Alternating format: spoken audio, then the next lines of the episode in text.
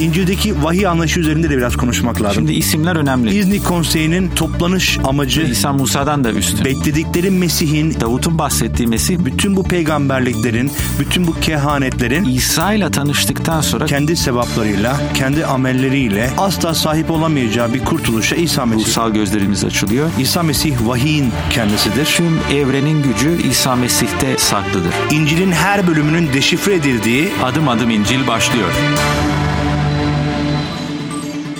Adım Adım İncil programında Radyo Maranata'dan bizi dinleyen tüm dinleyicilerimize ben Mark Madrigal. ben Emre Karali merhaba diyoruz. Bu program boyunca elimizden geldiğince, dilimiz döndüğünce sizlere kutsal kitabın yeni antlaşma bölümleri, bilinen ismiyle İncil'in her bölümünü ele alacağız. Açıklamaya, sıkça sorulan soruları yanıtlamaya çalışacağız. Soru ve görüşlerinizi sosyal medya hesaplarından et Radyo Maranata yazarak ya da www.radyomaranata.com web sitesinden mail yoluyla bize ulaşabilirsiniz diyoruz ve bugünkü programımıza başlıyoruz. Sevgili dinleyiciler bugün 1. Timoteos mektubuyla sizlerle beraber olacağız. 1. Timoteos mektubunu açıklamaya, anlatmaya gayret edeceğiz. Bu 1. Timoteos'la beraber tabi e, pastoral mektuplar olarak adlandırılan bir seriye de başlıyoruz. Bu 1. Timoteos, Titus ve e, 2. Timoteos'u içerisine alan e, mektupları kapsıyor. Pastoral mektuplar neler? Belki kısaca ona değinmek lazım. Sonra yavaş yavaş e, mektubun içeriği ve e, detaylar üzerinde konuşabiliriz.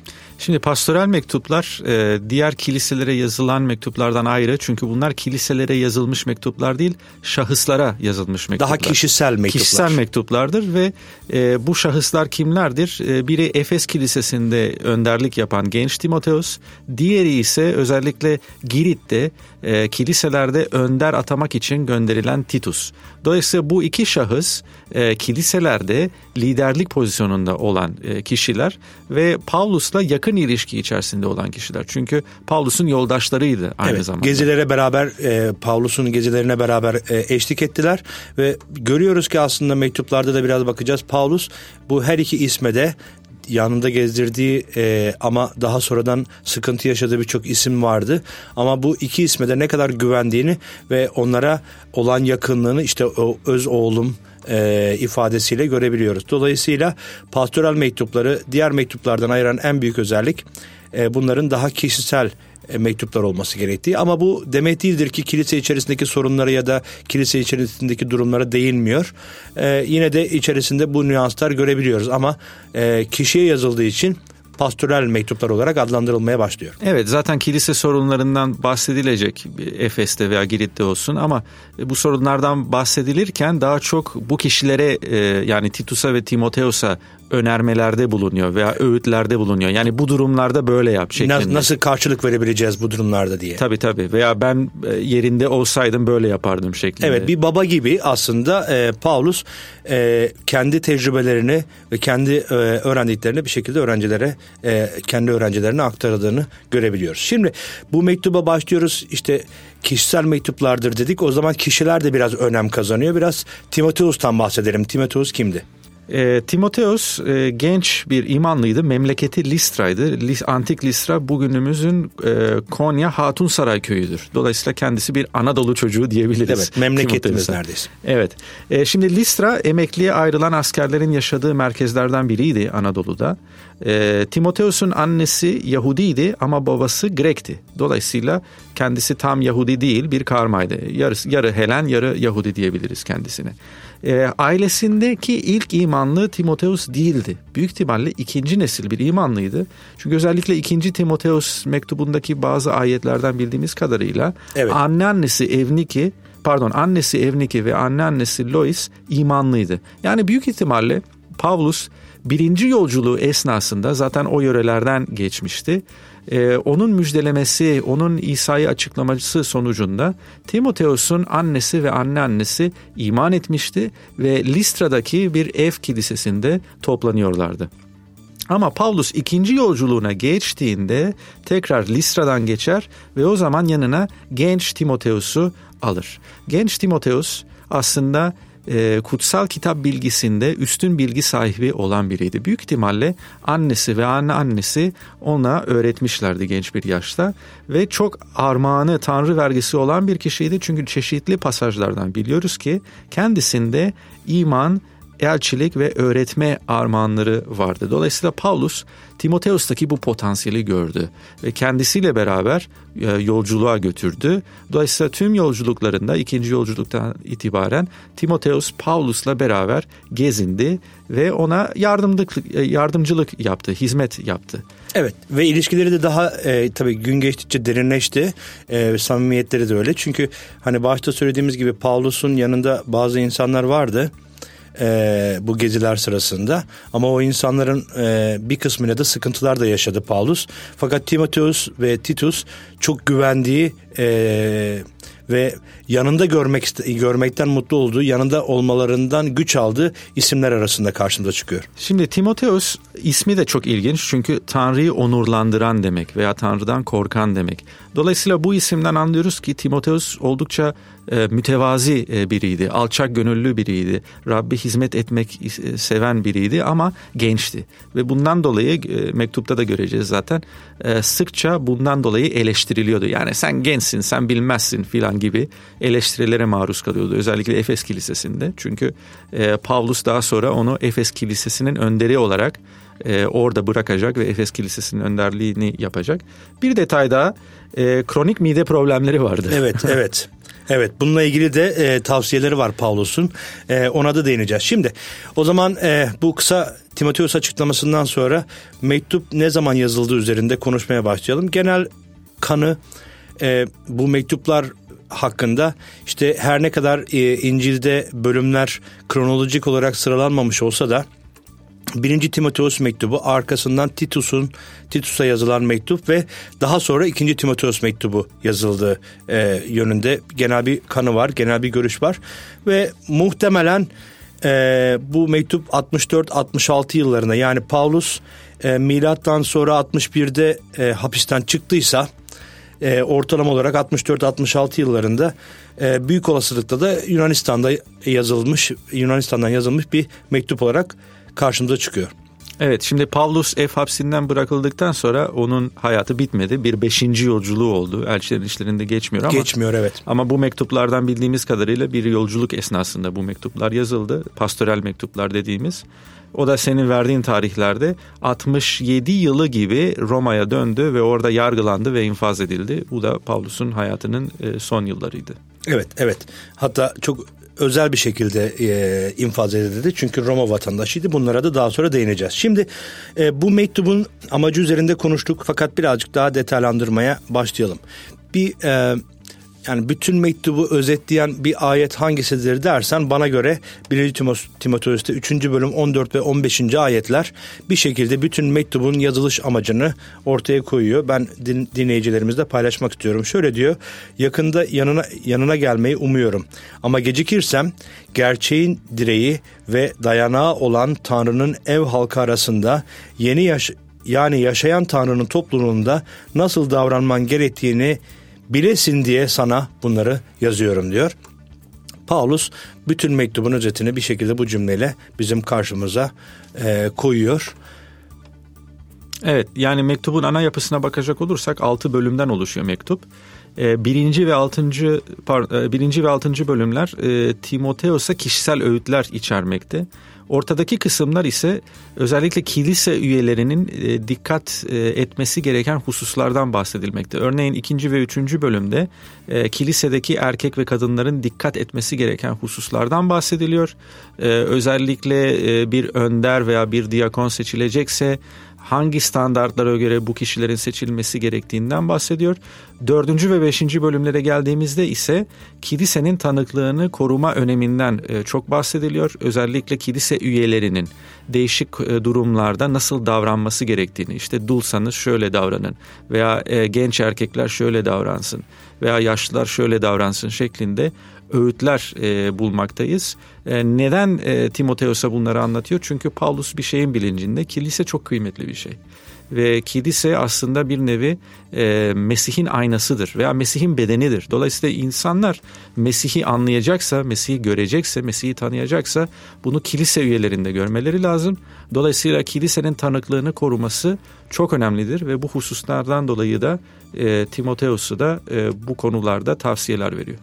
Ve aynı zamanda kiliseyi de e, kiliseyi de nasıl yönetme, yönlendirmesi gerektiği konusunda da büyük tavsiyelerde bulunuyor ve cesaretlendiren e, ayetlerde görüyoruz aslında bu e, bölüm içerisinde. Şimdi ikinci bölümde programın ikinci bölümünde bu detaylara gireceğiz ama e, dikkat çeken bazı noktalar var. Ben genellikle kutsal kitap okurken e, bir bir bölüm üzerinde eğer Tanrı sözünde bir şey tekrarlanıyorsa onlar benim için çok dikkat çekici oluyor. Çünkü bazen insanlar e, küçük bir ayetteki küçük bir nüansa takılıp e, kafasını birçok şeyle doldurabiliyorlar ama bence biz e, az konuşulanlar hakkında değil daha çok e, çok fazla Tanrı'nın ifade ettiği ve ortaya koyduğu konular üzerinde düşünmeliyiz ve bu mektup içerisinde de sık sık tekrarlanan Paulus tarafından tekrarlanan bazı cümleler var ki o da bu mektupta aslında Paulus'un nelere önem verdiğini ve e, ruh, Tanrı'nın ruhu aracılığıyla neleri kayda aldığını gösteriyoruz. Mesela iman altı kez tekrarlanıyor yahut da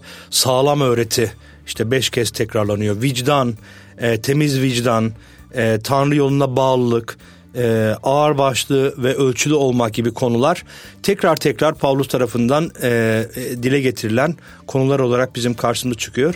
Az önce senin özetlediğin gibi Tanrı'nın kilisesini e, görmek istediği ve aslında kilisenin Tanrı'nın e, bir şekilde e, görüntüsünün zuhur ettiği o yapı olarak bizim karşımıza çıkıyor.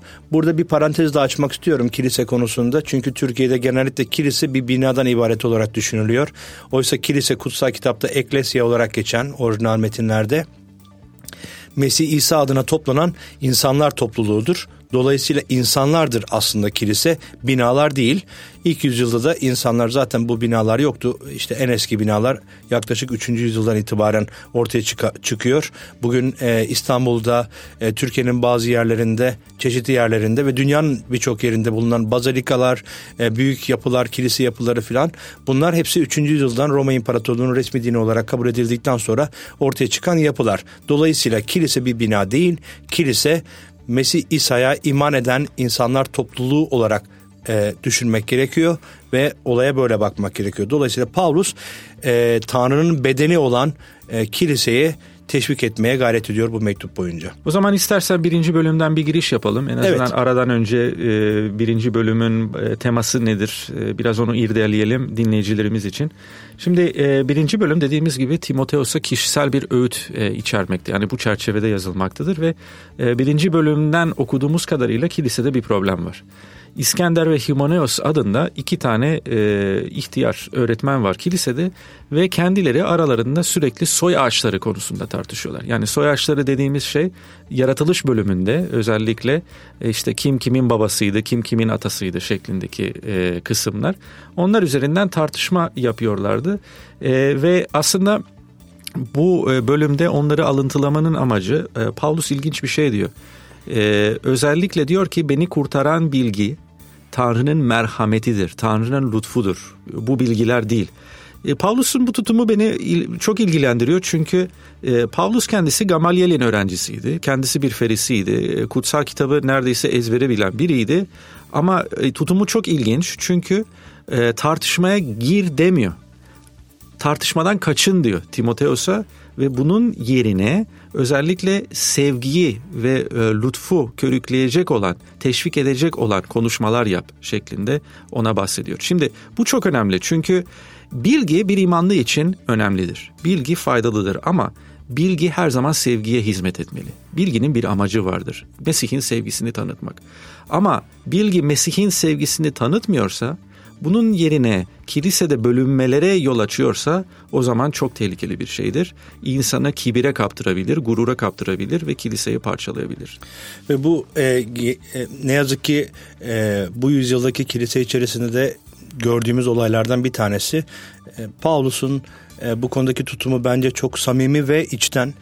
E, gerçekten e, bu mektupların amacı hani daha önce de birkaç kez konuştuk. Bu mektupların amacı kilisedeki bölünmeleri e, farklı görüşleri Mesih İsa'daki düşüncede birleştirmekken insanlar bu mektubun içerisinden cımbızladıkları ayetlerle yahut da bu mektubun içerisinde asıl e, ana mesajı kaçırıp e, özelde bir şekilde kendi anlayışları çerçevesinde bir takım e, bilgileri öne sürerek ki ben kimseyi yargılamıyorum bu konuda ama bunun ayrılıklara sebep olması herhalde Pavlus'u en çok üzen olaylardan yani bir tanesi. açık açık konuşalım günümüzde benzer şeyler yaşanıyor. Ee, mesela evrim teorisiyle ilgili. Kimi imanlı evrim teorisine inanıyor, kimisine inanmıyor ama şöyle bir itham yapmak yanlış. Ha sen buna inanıyorsun dolayısıyla imanlı değilsin şeklinde ithamlar yapmak yanlış. Çeşitli doktrinsel konularda da benzer şekilde şeyler yaşanıyor. Ee, yok kutsal ruhun armağanları olsun, yok farklı dillerle konuşmak olsun, yok efendim kilisedeki kadının rolü olsun gibi. Ee, tabii bunlar çetrefilli konular, basit açıklamaları yok. Ama e, eğer ki bu bilgileri biz insanları itham etmek için kullanıyorsak bu bilginin yanlış bir kullanımıdır. Yani bilgi her zaman sevgiye hizmet etmeli. Dolayısıyla bu konular ayrışmaya değil, kardeşlerimizi daha fazla sevmeyi. Tamam kardeşim sen benden farklı düşünebilirsin ama yine de ben seni seviyorum. Çünkü Mesih bana bunu öğretti. Kardeşimi sevmem lazım. Yani birinci Yuhanna'da dediği gibi görmeyen, görünmeyen Tanrı'yı e, pardon gördüğün kardeşini sevemiyorsan görmediğin Tanrı'yı nasıl seveceksin e, meselesi. Dolayısıyla bu husus önemli. Pavlus'un da kendisi diyor. Zaten beni kurtaran bilgi doktrin değil. Beni kurtaran bilgi müjde. O müjde nedir? Ben günahkardım. Tanrı bana lütuf gösterdi. Ben hak etmiyordum. O Mesih'i gönderdi ve bu lütuf ve bu merhamet beni kurtardı. Övünecek bir bilgi varsa kendimizde bu bilgi olmalı. Başka bilgiler değil. Ve aynı zamanda tabii pastoral mektup olmasındaki e, ana tema bir şekilde Pavlus'u kilisenin içerisindeki her durum, her olay, her sıkıntı, her karşıt görüş, her çekişme içerisinde bir şekilde Tanrı'ya sımsıkı bağlanması konusunda da e, 1. Timoteos'un birinci bölümünde e, Timoteos'a özel sözler de var. 18. ayette diyor ki oğlum Timoteos senin hakkında önceden söylenen peygamberlik sözleri uyarınca bu buyruğu sana emanet ediyorum. Öyle ki bu sözlere dayanarak iyi savaşı sürdüresin. Dolayısıyla bir kilise önderi kilisenin içerisindeki bu e, tartışmaları, bu tip basit, anlamsız tartışmaların içerisinde e, temiz vicdana sarılarak e, ve onu temiz vicdanı bir tarafa itmeden kardeşlik sevgisi ve bağ içerisinde bu yüce mücadeleyi sürdürme konusunda da Paulus teşvik ediyor birinci bölümde diyelim. E, Kısa bir araya gideceğiz. Kısa bir aranın ardından kaldığımız yerden devam edeceğiz. Ayrılmadan önce hatırlatmak istiyorum. Sosyal medya hesapları arama kısmında Radyo Maranata yazarak ya da soru et radyomaranata.com adresinden e-mail yoluyla bize ulaşabilir. Soru ve görüşlerinizi bize bildirebilirsiniz. Efendim kısa bir ara ardından sizlerdeyiz.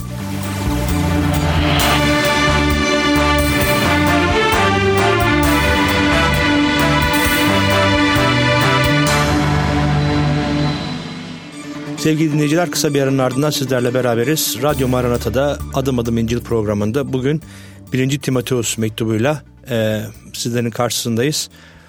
Pastoral mektuplar olarak adlandırılan bu mektupları incelemeye başladık e, ve birazcık detaylandırmaya da başladık. İlk bölümde birinci bölüm üzerinde konuştuk. E, şimdi kaldığımız yerden devam edeceğiz.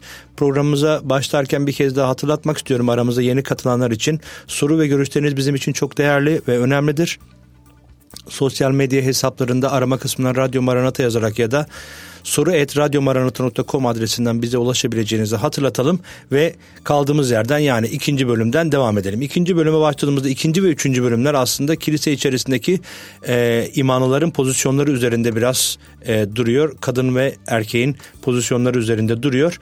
E, yavaş yavaş oradan devam edelim istersen Mark. Evet şimdi ikinci ve üçüncü bölüme geldiğimizde özellikle e, kilisede erkek ve kadınların konumu ve rollerinden bahsediyoruz. İkinci bölümde özellikle kilise üyelerinin dikkat etmesi gereken hususlardan bahsediyor Paulus ve üçüncü bölümde önder veya diakon dediğimiz yani sorumluluk sahibi kardeşlerin kilisede dikkat etmesi gereken e, konular veya hangi kriterlere göre bu kişiler seçilmek e, seçilmesi lazım bu konulara değiniyor Paulus. Şimdi ayetlerden anladığımız bir şey var. Hem e, Efes'teki erkeklerin bir takım sıkıntısı vardı hem de kadınların bir sıkıntısı vardı. İkinci bölümün 8. ayetinde Paulus şöyle diyor. Buna göre erkeklerin öfkelenip çekişmeden her yerde pakeller yükselterek dua etmelerini isterim. Yani bu bize neyi gösteriyor? E, Efes'teki bazı kardeşler kendi aralarında kavga ediyordu. Tam konuyu bilmiyoruz. E, belki e, öğreti konusunda, doktrin konusunda kavga ediyorlardı. Belki siyasi tartışmalara giriyorlardı. E, belki e, ne bileyim e, o dönem futbol yoktu ama belki at yarışları veya atletizm şampiyonlarında e, tuttukları taraflar veya takımlar Fanatiklik hakkında yapıyorlardı fanatiklik belki. yapıyorlardı. Ama e, bir nevi bazı erkekler kilisede öfkeleniyorlardı, çekişiyorlardı ve bu aslında çok kötü bir tanıklık bırakıyordu. Yani çünkü eğer kilise e, t- Mesih'in bedeni ise Mesih'in esenliğini bir nevi yansıtması lazım. Ama bu erkekler böyle yapmıyordu. Dolayısıyla e, bu soruna çözüm getiriyor, getirmek istiyor Paulus ve Timoteos'a diyor ki o zaman erkekleri şuna öğütle tam bir e, bağlılık ve ağırbaşlık içerisinde sakin ve huzurlu bir yaşam sürelim diye krallara, bütün üst, üst yöneticiler dahil bütün insanlar için dilekler, dualar, yakarışlar ve şükürler sunulsun diyor ilk iki ayette. Yani aslında burada belki tartışmaların bir kısmı siyasi olabileceğini e, e, İzlenimi veriyor izlenimi bize, evet. veriyor. Çünkü krallar, bütün üst yöneticiler e, belki baştaki imparatordan pek memnun değillerdi veya Efes'teki validen pek memnun değillerdi. Bunu ben bilemem. Ama bir nevi e, bir sorun vardı. E, sorun neydi? Erkekler e, kendi doğal e, tabiatları itibariyle e, saygı bekliyorlar. Ve bu saygıyı görmediklerinde e, genellikle ne oluyor? Tepki veriyorlar. Ve bu tepki kendisini genellikle e, öfkeyle e, yansıtıyor başkalarına. Dolayısıyla sorun buysa e, bunun m, ilacı nedir? Bunun ilacı Tanrı'ya gelmek ve dua etmek. Çünkü insan dua ettiğinde o zaman bu tarz e, öfke duygularından kurtuluyor. Dolayısıyla bu erkeklerin bir sıkıntısıydı o kilisede. Evet. Bununla beraber şunu da hatırlatmakta fayda var. Mektuplar üzerinde konuşurken şunu aklımızın bir köşesinde tutmalıyız. Biz bu mektupların e, bir tarafının yazdıklarını e, duyuyoruz. Paulus neler işiterek, neler duyarak yahut da diğer e, havariler, elçiler bu mektupları yazarken e, ne tür sorunlar kulaklarına geldi, işittiler. E, onların bir kısmını mektuptan şimdi yaptığımız gibi anlamlar çıkartmaya çalışıyoruz ama tam olarak içeriği yüzde yüz olarak bilemiyoruz. E, ne tür bilgilerin, ne tür sorunların onlara ulaştığını. Dolayısıyla bu sorunları çözmeye yönelik olarak gönderiliyor. Tabii biz cevabını biliyoruz ama cevabına bakarak soruyu bir Oluşturmaya oluştur- çalışıyoruz. oluşturabiliyoruz yüzde doksan Evet, diyebiliriz evet, ima yoluyla. Evet. Ee, şimdi geçelim kilisedeki kadınlarda. Ee, Efes Kilisesi'ndeki kadınların bir sıkıntısı vardı. O sıkıntısı neydi? Ee, dikkat çekmeyi seviyorlardı. Ee, dolayıs- dolayısıyla ikinci bölümde özellikle bunu görmekteyiz. Diyor ki kadınların da saç örgüleriyle, altınlarla, incilerle ya da pahalı giysilerle değil, sade giyimle, edepli ve ölçülü tutumla Tanrı yolunda yürüdüklerini ileri süren kadınlara yaraşır biçimde iyi işlerle süslenmelerini isterim.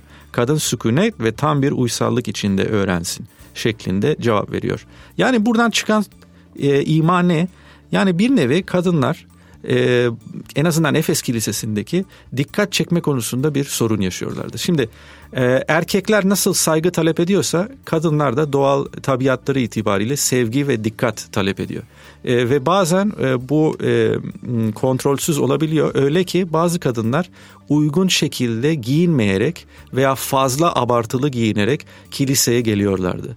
Ve o zaman e, dikkat e, çalınıyordu Mesih'ten. Yani artık sanki ibadetin odağı Mesih değil de e, en iyi giysileri kim e, bir e, moda e, şeyine dönüşmüş. Defilesi gibi. Defilesine dönüşmüştü kilisede ve zaman zaman anladığımız kadarıyla e, kilise ibadeti bölünüyordu. Neden? Çünkü bazı kadınlar çok fazla yüksek sesli konuşuyorlardı veya kendi aralarında konuşuyorlardı veya öğreti sırasında bir şey diyorlardı ve bu da bir nevi kilisenin ahenkini e, bozuyordu. Evet Efesliler mektubunda da zaten bu nüansları görebiliyoruz. Orada da Paulus benzer sorunlara bir şekilde karşılık olarak çeşitli öğütler veriyor. Ee, Hem erkeklere hem de kadınlara hem de aralarındaki ilişkiler üzerindeler. Şimdi bu bağlamda Pavlus'un dediği çok ilginç. Diyor ki ama doğum yapıp kurtulacaklardır. Yeter ki sağduyuyla iman, sevgi ve kutsallıkla yaş- yaşasın. Şimdi biraz burada kurtuluş kelimesinden bahsetmek lazım. Çünkü biz bazen e, kurtuluş kelimesini duyduğumuzda otomatikmen hani ahiret hayatını Evet. veya cennete geçişi. Cennete gidecekler gibi Ama algılıyoruz. bu aslında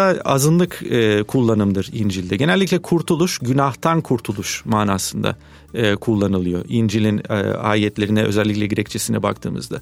Dolayısıyla Pavlus'un burada dediği ne? Yani aslında bu ilgi çekmek isteyen kadınların kurtuluşu veya bu huylarından kurtulmasının yolu çocuk sahibi olmaktır. Evet. Neden? Çünkü çocuk sahibi olunca o zaman bütün dikkatleri nereye gidecek? çocuğa gidecek. Kendi giyim kuşamları yerine. Aynen ve bu şekilde de e, kiliseden dikkatsiz bir şekilde e, dikkat dağıtmayacaklar. Yani e, dolayısıyla burada Pavlus aslında bunu demek istiyor. Yani bu çok önemli çünkü kilisenin ana e, hedefi, ana bakış açısı şu olması gerekiyor. Hem erkek için hem kadın için. E, kendi pozisyonları içerisinde, kendi doğal yapıları içerisinde Mesih'in baş olduğunu e, irdelemek, bunu anlamak ve e, buna uygun davranmaları çok önemli. Hem erkeklerin hem de e, kadınların eşit miktarda aslında e, bu e, temel düşünceye sahip olması çok önemli diye düşünüyorum kilise içerisinde. Dolayısıyla hem erkekler hem de kadınlar Tabii e, iş kadın yani erkeklerle ilgili bir şeyler konuşulduğunda herkes doğal karşılıyor ama kadınlarla ilgili bir şey konuşulduğunda böyle hemen e, özellikle femi, feminist e, tarzdaki bayanların e, böyle öfkesini uyandırıyor.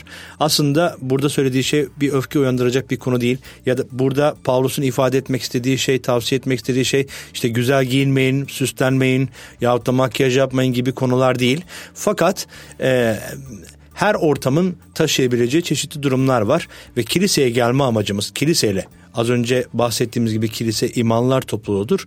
İmanlar topluluğuyla bir araya geldiğimizde amacımız kendimizi insanlara göstermek değil, bizdeki Mesih'i insanlara yansıtmak olmalıdır. Dolayısıyla e, hani o yanlış anlaşılmayı da ortadan kaldıralım. Hani süslenmek günahtır, e, güzel giyinmek günahtır vesaire gibi bir konu değil bu.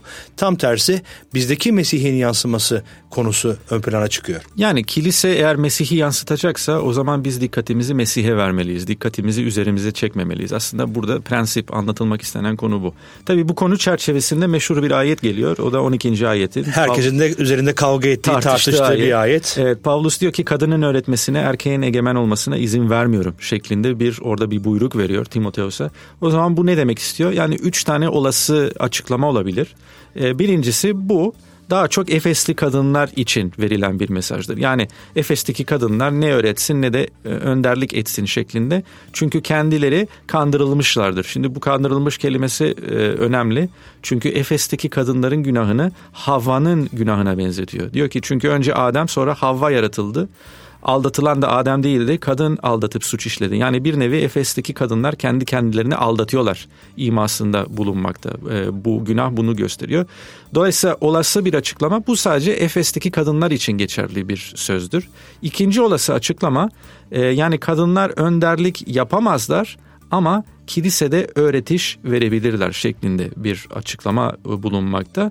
Ve diğer açıklama kadınlar hiçbir şekilde ne önderlik yapabilirler ne de öğretmelilerdir. Dolayısıyla bu e, farklı görüşler çerçevesinde bazen özellikle protestan kiliselerinde çeşitlilik görmekteyiz. Yani kimi kilisede kadın önder yoktur e, kimi kilisede vardır, kimi kilisede kadın öğreti de verir, kimi kilisede vermez. Dolayısıyla bu çeşitliliğin sebeplerinden bir tanesi özellikle bu ayetin e, nasıl farklı kişiler tarafından yorumlandığına ilişkilendirebiliriz.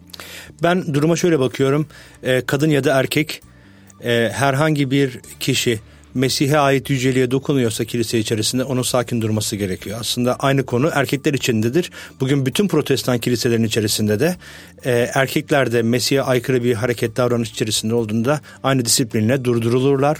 E, konuşmalarına, e, öğretmelerine yahut da e, öne çıkmalarına izin verilmez. Dolayısıyla bunu sadece kadınlara yönelik bir e, durum ve olay olarak ben kişisel olarak değerlendirmiyorum.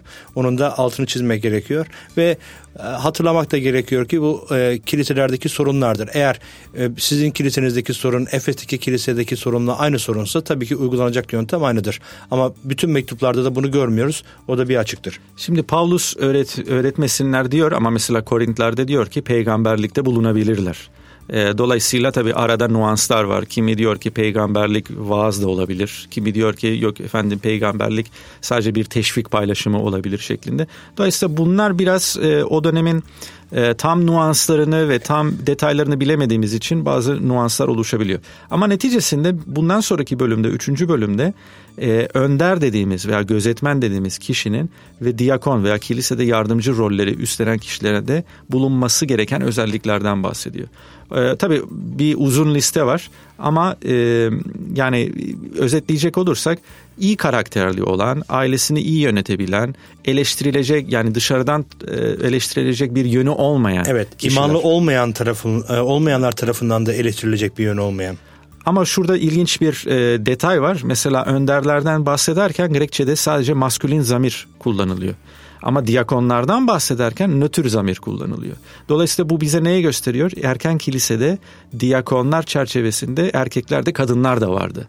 Ve bunu zaten diğer erken kilise kayıtlarında da görüyoruz. Yani gözetmen dediğimiz aslında gözetmen olan yani kilisenin ihtiyarları, kilisenin yani önderlik, pastörü diyebiliriz pastörü, bir nevi. kilisede önderlik eden kişiler.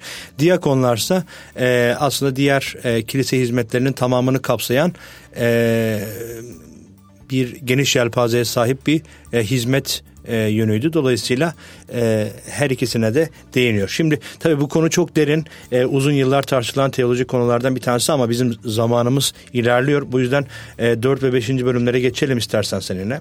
Tabii şimdi 4 ve 5. bölümde özellikle kilisenin genel olarak dikkat etmesi gereken bazı hususlardan bahsediliyor ve e, bunlardan biri özellikle bazı yanlış öğretiler yayılıyordu o dönemde Efes'te.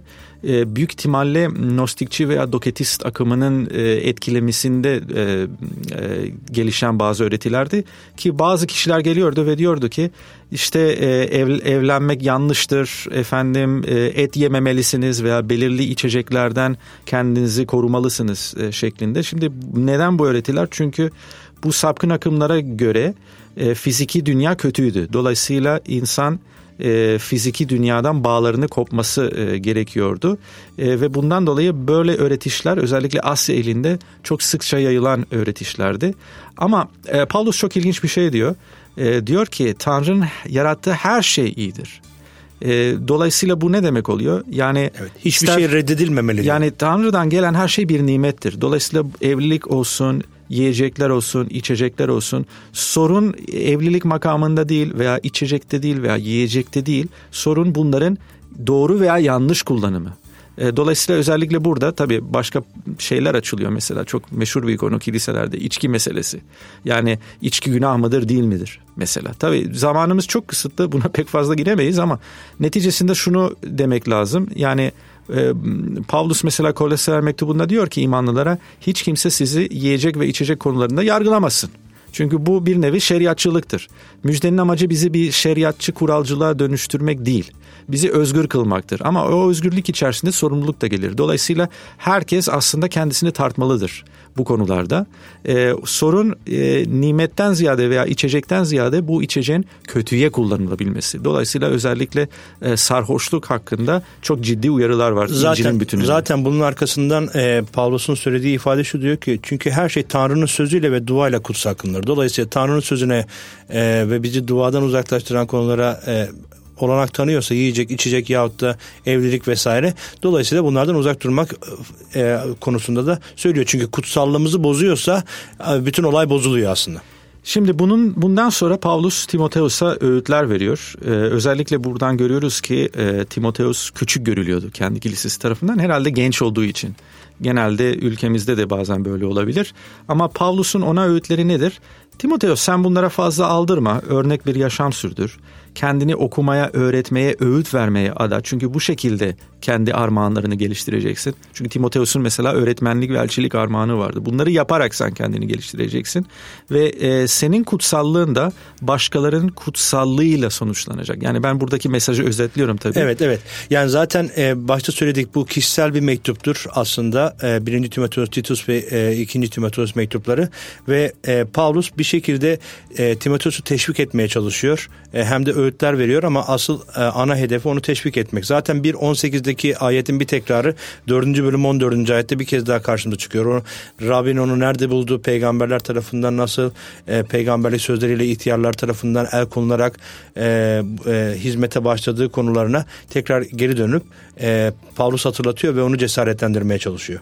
Şimdi 5. bölüme geldiğimizde e, dullar, kilisedeki dullar ve önderler hakkında e, bir nevi uyarılar var. Yani dikkat edilmesi gereken husus. E, şimdi dullar o dönemde şimdi günümüzde e, bir kişi emekliliğe ayrıldığında devlet bir nevi bu kişinin emeklilik maaşını tedarik eder. Ama o dönemde öyle bir sistem yok. dolayısıyla biri dul olduğunda artık ona bakan kimse de olmayacaktır. Dolayısıyla bir nevi birisinin e, bu sorumluluğu üstlenmesi lazım. Dolayısıyla Pavlus burada öneriler, önerimlerde bulunuyor Timoteos'a. Yani sen dulun durumuna bak. Eğer çocukları varsa o zaman çocuklar ona destek olsun. Ama çocukları yoksa o zaman kilise ona destek olsun. Çaresizlik içerisinde olan e, dullar için aslında çok e, yardıma ihtiyacı olanlar ve, için ve bazı yardımınızı uzatın diyor. Ve bazı kriterleri e, kendisi sayılıyor. Mesela 60 yaşından büyük olsunlar. Yani ilk önce buna bak. Yani fazla genç olmasınlar. Çünkü genç dul e, bir ihtimal hala e, evle, evlenebilir. Yani evet, çünkü kendisi evet. gençtir. Dolayısıyla yaşlı olan dullara öncelik tanı, e, ailesi olmayan dullara öncelik tanı ve onlara yardım et ki diğerlerine yardım edersen kötü alışacaklar. Yani evet. dolayısıyla kilise bu konularda hikmetli davranmalıydı. Beşinci bölümün diğer konusuna gelecek olursak özellikle önderlerin desteklenmesi konusuna değiniyor. Hem de saygı e, onlara önderlere duyulacak saygı konusuna Tabii, değiniyor. Tabii önder, önderlere diyor ki iki kat saygıya e, layık görülsün.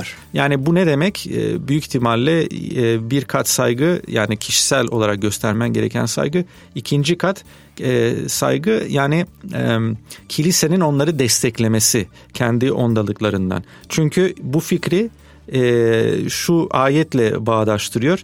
İşçi ücretini hak eder. Evet. Dolayısıyla hani e, pastörlerin veya önderlerin yaptığı hizmetler çok kıymetli. Evet hizmetlerini yapmıyorlarsa uyarılmalılar. E, ama hizmetlerini yapıyorlarsa alın teriyle çalışıyorlarsa bir nevi o zaman kilise de onları da desteklemeli. Çünkü bu da bir iştir sonuçta. Evet ve titizlikle yapılması gereken ve Tanrı'ya hesap verecek bir iş olarak karşımıza çıkıyor. Bu yüzden Paulus 5. bölümde e, tim, e, önderleri ve Timote, e, Timoteus'u da uyarıyor bu konuda. İşte e, yan tutmadan, kimseyi kayırmadan e, bir şekilde hizmetini bu şekilde sürdür.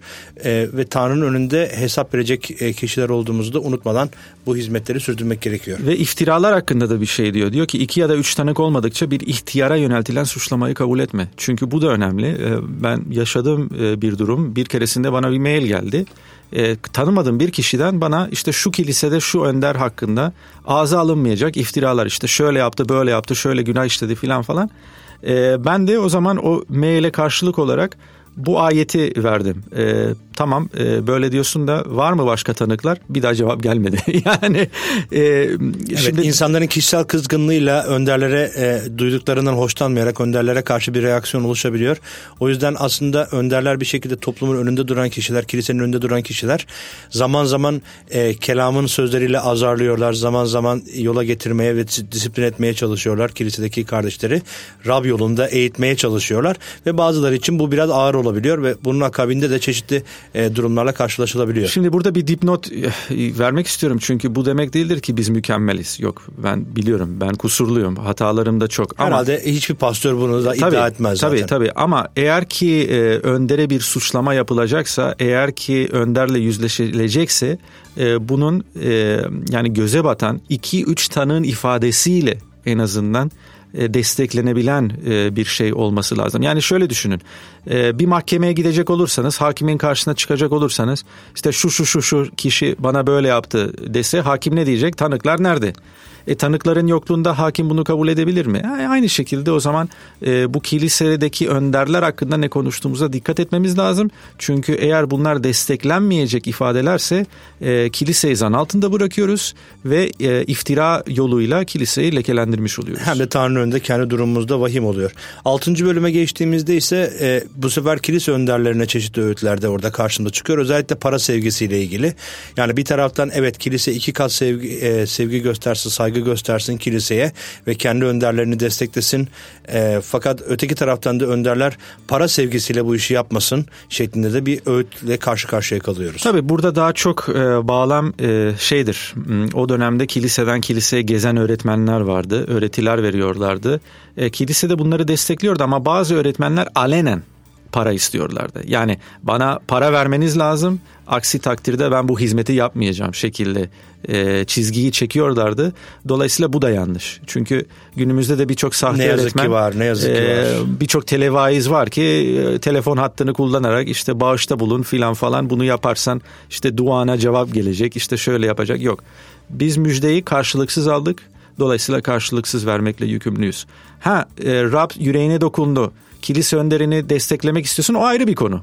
Ama eğer ki e, gezici öğretmen e, kendisi açık açık kiliseden para talep ediyorsa demek ki orada bir problem var. Evet o yüzden Timoteos'a diyor ki ama sen ey Tanrı adamı bu şeylerden kaç. Doğruluğun, Tanrı yolunun, imanın, sevginin, sabrın, uysallığın ardından koş diyor.